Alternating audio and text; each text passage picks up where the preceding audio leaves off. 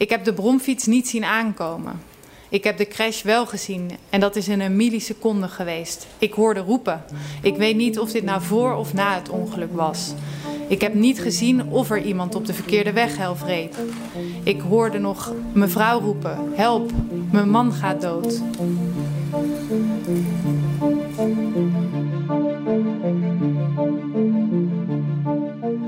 De zon schijnt en het weekend ligt nog voor je. Je agenda is nog leeg, dus je kunt nog mooie plannen maken. Misschien een stukje gaan fietsen of naar een festival. Maar wat als zo'n keuze je leven voor altijd verandert? Mijn naam is Emma Thies en je luistert naar de Zaak X.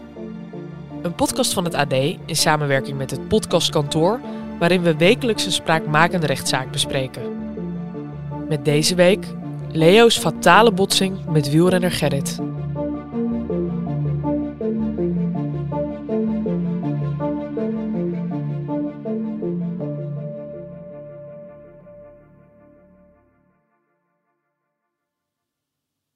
Het is begin juli en een heerlijke zomerse zaterdag met geen veldje aan de lucht. De twee mannen waar deze zaak om draait zijn de 55-jarige Gerrit en de 57-jarige Leo. Ze kennen elkaar niet. Gerrit is wielrenner en checkt zijn WhatsApp-groep met fietsvrienden. Hij heeft geluk en kan aansluiten in de Loonse en Drunense duinen voor een mooie rit. Je hoort verslaggever Niels Dekker, hij doet voor AD de Dortenaar verslag van deze zaak. En de andere Leo gaat met zijn vrouw die middag op de scooter gezellig met een JBL muziekboxje gaan ze naar het hippiefestival in Gorkum. Leo is net getrouwd. Hij heeft ook een dochter, maar vandaag gaat het pasgetrouwde stel er lekker met zijn tweetjes op uit. Ze pakken de scooter en stappen op. De muziek gaat aan. Om de snelste route naar het festival te pakken, rijden ze langs de rivierdijk in Hardingsveld-Giessendam. Ondertussen zijn Gerrit en zijn fietsclubje al op hun terugweg. Een van de zeven wielrenners die mee fietst, heeft de route uitgestippeld.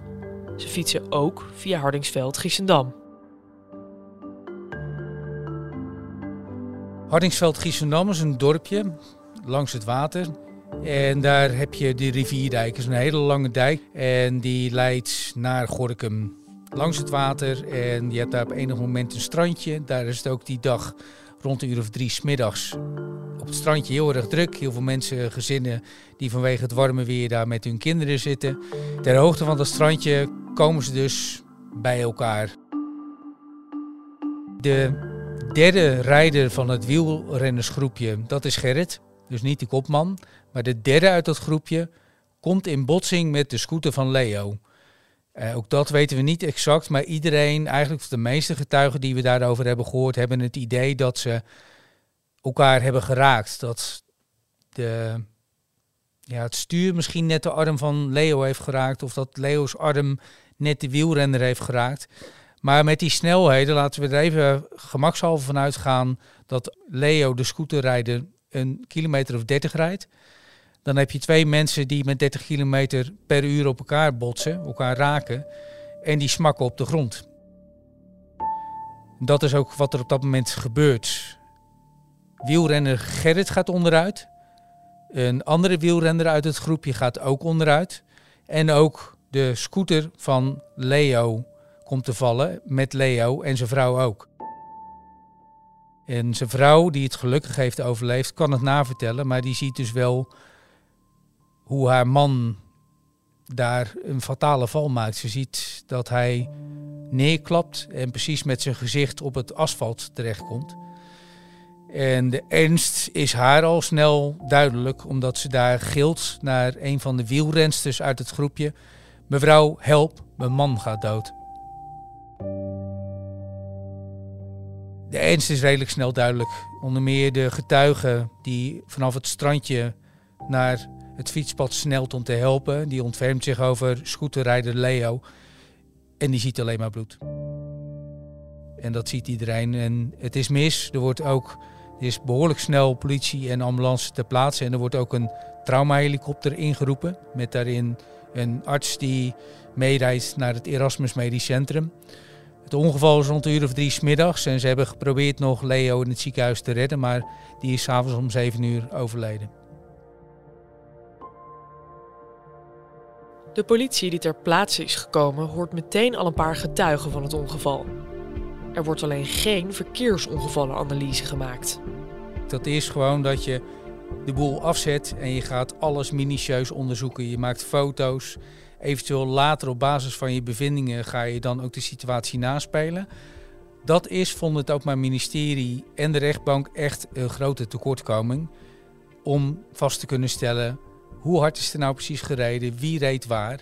Nou, om nou precies te kunnen weten hoe is dat dit gegaan, moet je eigenlijk alles weten van die dag en ook wat is aangetroffen. Dat is niet gebeurd. Volgens de officier van justitie verklaarde dat na afloop is dat ook echt wel een ja, tik op de vingers geweest naar de agent in kwestie die dat besluit op dat moment heeft gemaakt. Van nou, dat is niet nodig. Want dat bleek wel nodig. En dat bleek ook tijdens de rechtszaak, omdat ja, is er überhaupt een fout geweest? Valt het wielrenner Gerrit te verwijten dat Leo is omgekomen? Of reed Leo zelf niet binnen de lijnen, waardoor ze elkaar konden raken? Door het ontbreken van een verkeersongevallenanalyse is het lastig om erachter te komen of er sprake is van verwijtbaar handelen. Wielrenner Gerrit verklaart wel in de rechtbank, maar hij is door de klap een groot deel van zijn geheugen van dat moment kwijt.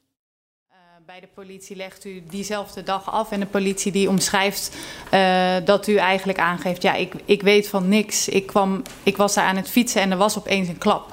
Dat klopt. Ik ben op een moment uh, in, de, in de ziekenwagen, in de ambulance, ben ik, heb, heb ik iets gemerkt. Ben ik, ben ik mezelf bewust geworden van waar ik was.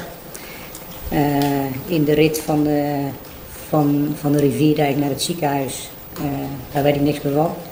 En ik heb grote gedeeltes in het ziekenhuis ben ik ook kwijt. En op enig moment heb ik weer wat geheugen gekregen. Wielrenner Gerrit weet het daardoor zelf niet goed meer. Wel zegt hij er 100% van overtuigd te zijn dat hij niets roekeloos, onveiligs of geks heeft gedaan. Dan blijft er nog één ding over: de getuigenverklaringen. De belangrijkste verklaring is die van de vrouw van het slachtoffer. En uh, zij omschrijft: ik, uh, ik zag dat een van de achterste fietsers in één keer ging demareren, ging inhalen. En toen was het gelijk een botsing. De fietser ging over de streep heen op onze weghelft. Nou, daar kom je al gelijk op de discussie. Een van de achterste, is dat nummer drie van de zeven? Dat zei de advocaat ook. Heeft ze dat wel goed gezien? En als haar dan wordt gevraagd, ja, wie is er volgens u schuldig aan het ongeval, omschrijft zij de wielrenner die ging inhalen. En dan is er nog één onafhankelijke getuige, een vrouw naar het schijnt van een meter of honderd verderop, die ook zou hebben gezien dat een van de wielrenners ja, ging versnellen. Ging, zoals ze dat in wielertermen noemen, demareren.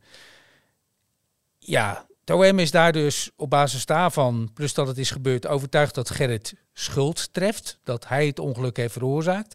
Natuurlijk niet met opzet, maar wel dat hij anders had moeten handelen. Daar staan wel ook weer heel veel verklaringen tegenover. Dan meneer die zelfs vierde hebben gereden direct achter u. Hij omschrijft, ik heb gezien dat Gerrit de snorscooter raakte. Ik kan niet zeggen op welke weghelft uh, van de weg de verdachte en de scooter nou precies reden. Dan wordt hem nog verklaard of gevraagd: ja, was er sprake van een inhaalactie? Dan zegt hij: nee, hij was niet aan het inhalen. Dat weet ik, want dan moet ik een ander wiel zoeken. En dat was niet het geval. Nou, de laatste is een mevrouw die als zesde in het rijtje reed. En die omschrijft, ja, ik zag een scooter... Ook de vijf andere wielrenners verklaren één voor één dat er niet werd ingehaald. Sterker nog, de voorste rijder zou 30 seconden ervoor net aan kop zijn gaan rijden. Dat blijft natuurlijk het lastige dat uh, niemand daadwerkelijk heeft gezien dat er over de lijn is gereden van links of van rechts, hè, of de scooter of u. En dat het de vraag blijft van ja, hoe heeft het nou kunnen gebeuren dat er uh, meneer daar ten val is gekomen. Dat zijn de getuigenverklaringen in het dossier.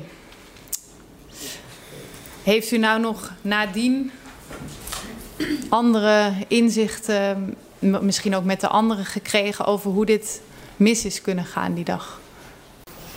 Nee, ik heb erover gesproken. Ik heb ook gevraagd of, uh, of de verklaringen zijn zoals ze zijn. En iedereen verklaart dat uh, keihard. Ik heb, uh, ik heb nachten liggen dubben en liggen bedenken van joh, wat zou hier nou gebeurd kunnen zijn en ik kan niet verklaren.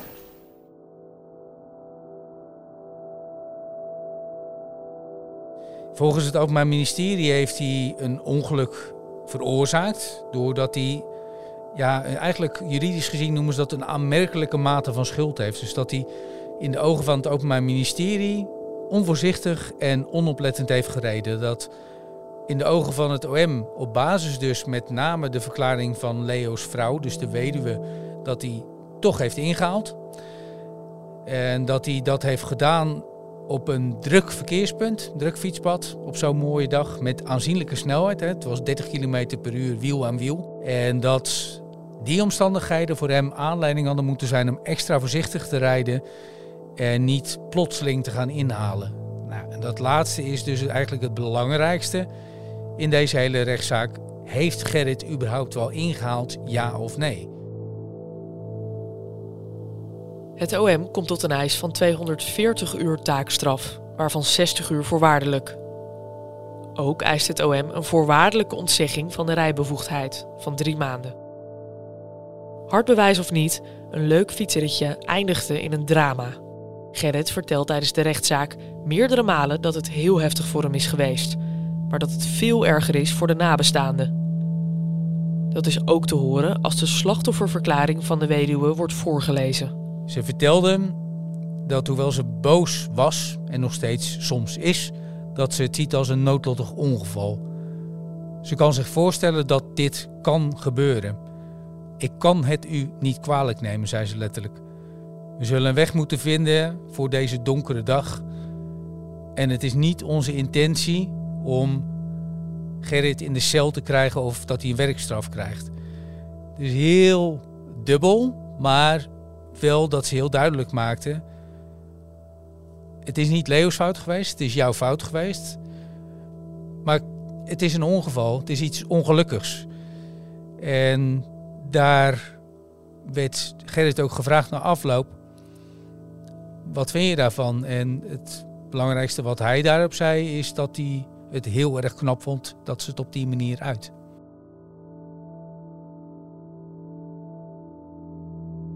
Dit was wel de eerste keer dat ze elkaar troffen. Gerrit heeft wel, vertelde hij eerder, een kaartje gestuurd om zijn medeleven te uiten. Maar dat bij de weder van Leeuw vanwege het gemis en de pijn, dat het gewoon niet aankon tot die tijd. En dat is voor iedereen verschillend, maar dat het gewoon niet aankon tot die tijd om hem te zien.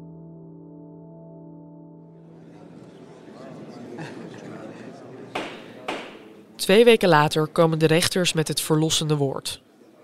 Volgens de rechters is niet vast te stellen of, en zo ja in welke mate, verdachte Gerrit een strafrechterlijk verwijt kan worden gemaakt. De wielrenner wordt vrijgesproken voor zijn rol bij de dodelijke aanrijding met Leo. Ook richten de rechters zich tot de vrouw van Leo. Ze betreuren dat er op basis van het dossier geen duidelijkheid kan worden gegeven over de toedracht van het ongeval. De rechtbank hoopt dat de nabestaanden het ongeval desondanks een plek kunnen geven. Wat je vooral hoopt, is dat de grootste winst van deze zaak misschien wordt dat het eerste contact is gelegd tussen de weduwe en de wielrenner. En dat ze als gevolg van de rechtszaak die er is gekomen, wel een keer bij elkaar kunnen komen, dat dat helend werkt voor beiden.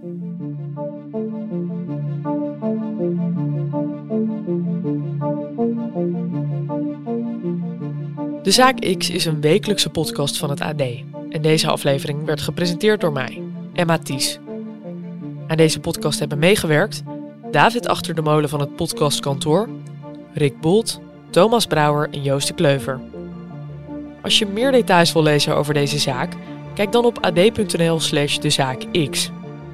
Beelden van deze zaak worden gedeeld op de Instagram-pagina van de Zaak X. Vond je dit een goede podcast? Laat dan vooral even een review achter, zodat we beter vindbaar worden voor nieuwe luisteraars. En wil je ook de volgende aflevering niet missen? Abonneer je dan op dit kanaal.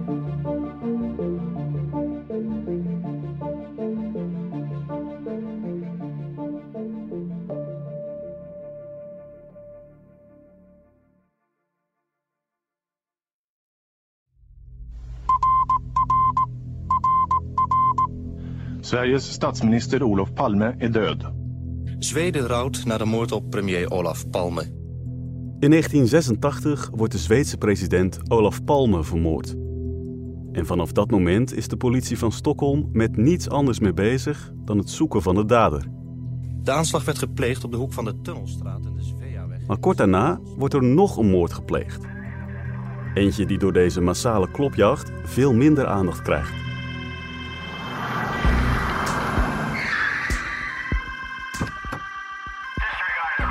Het is een moord in huiselijke kring, ergens in een buitenwijk van Stockholm.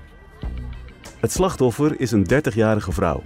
De dader, haar stiefzoon Samir Sabri. En vrijwel gelijk als de politie ter plaatse is, bekent hij haar vermoord te hebben. Maar kort daarna komt Samir terug op zijn bekentenis. Hij is onschuldig, zo zegt hij. Klopt het wat Samir beweert? Is hij echt onschuldig? En als hij de moord niet pleegde, wie dan wel? Je hoort het in de stiefmoedermoord.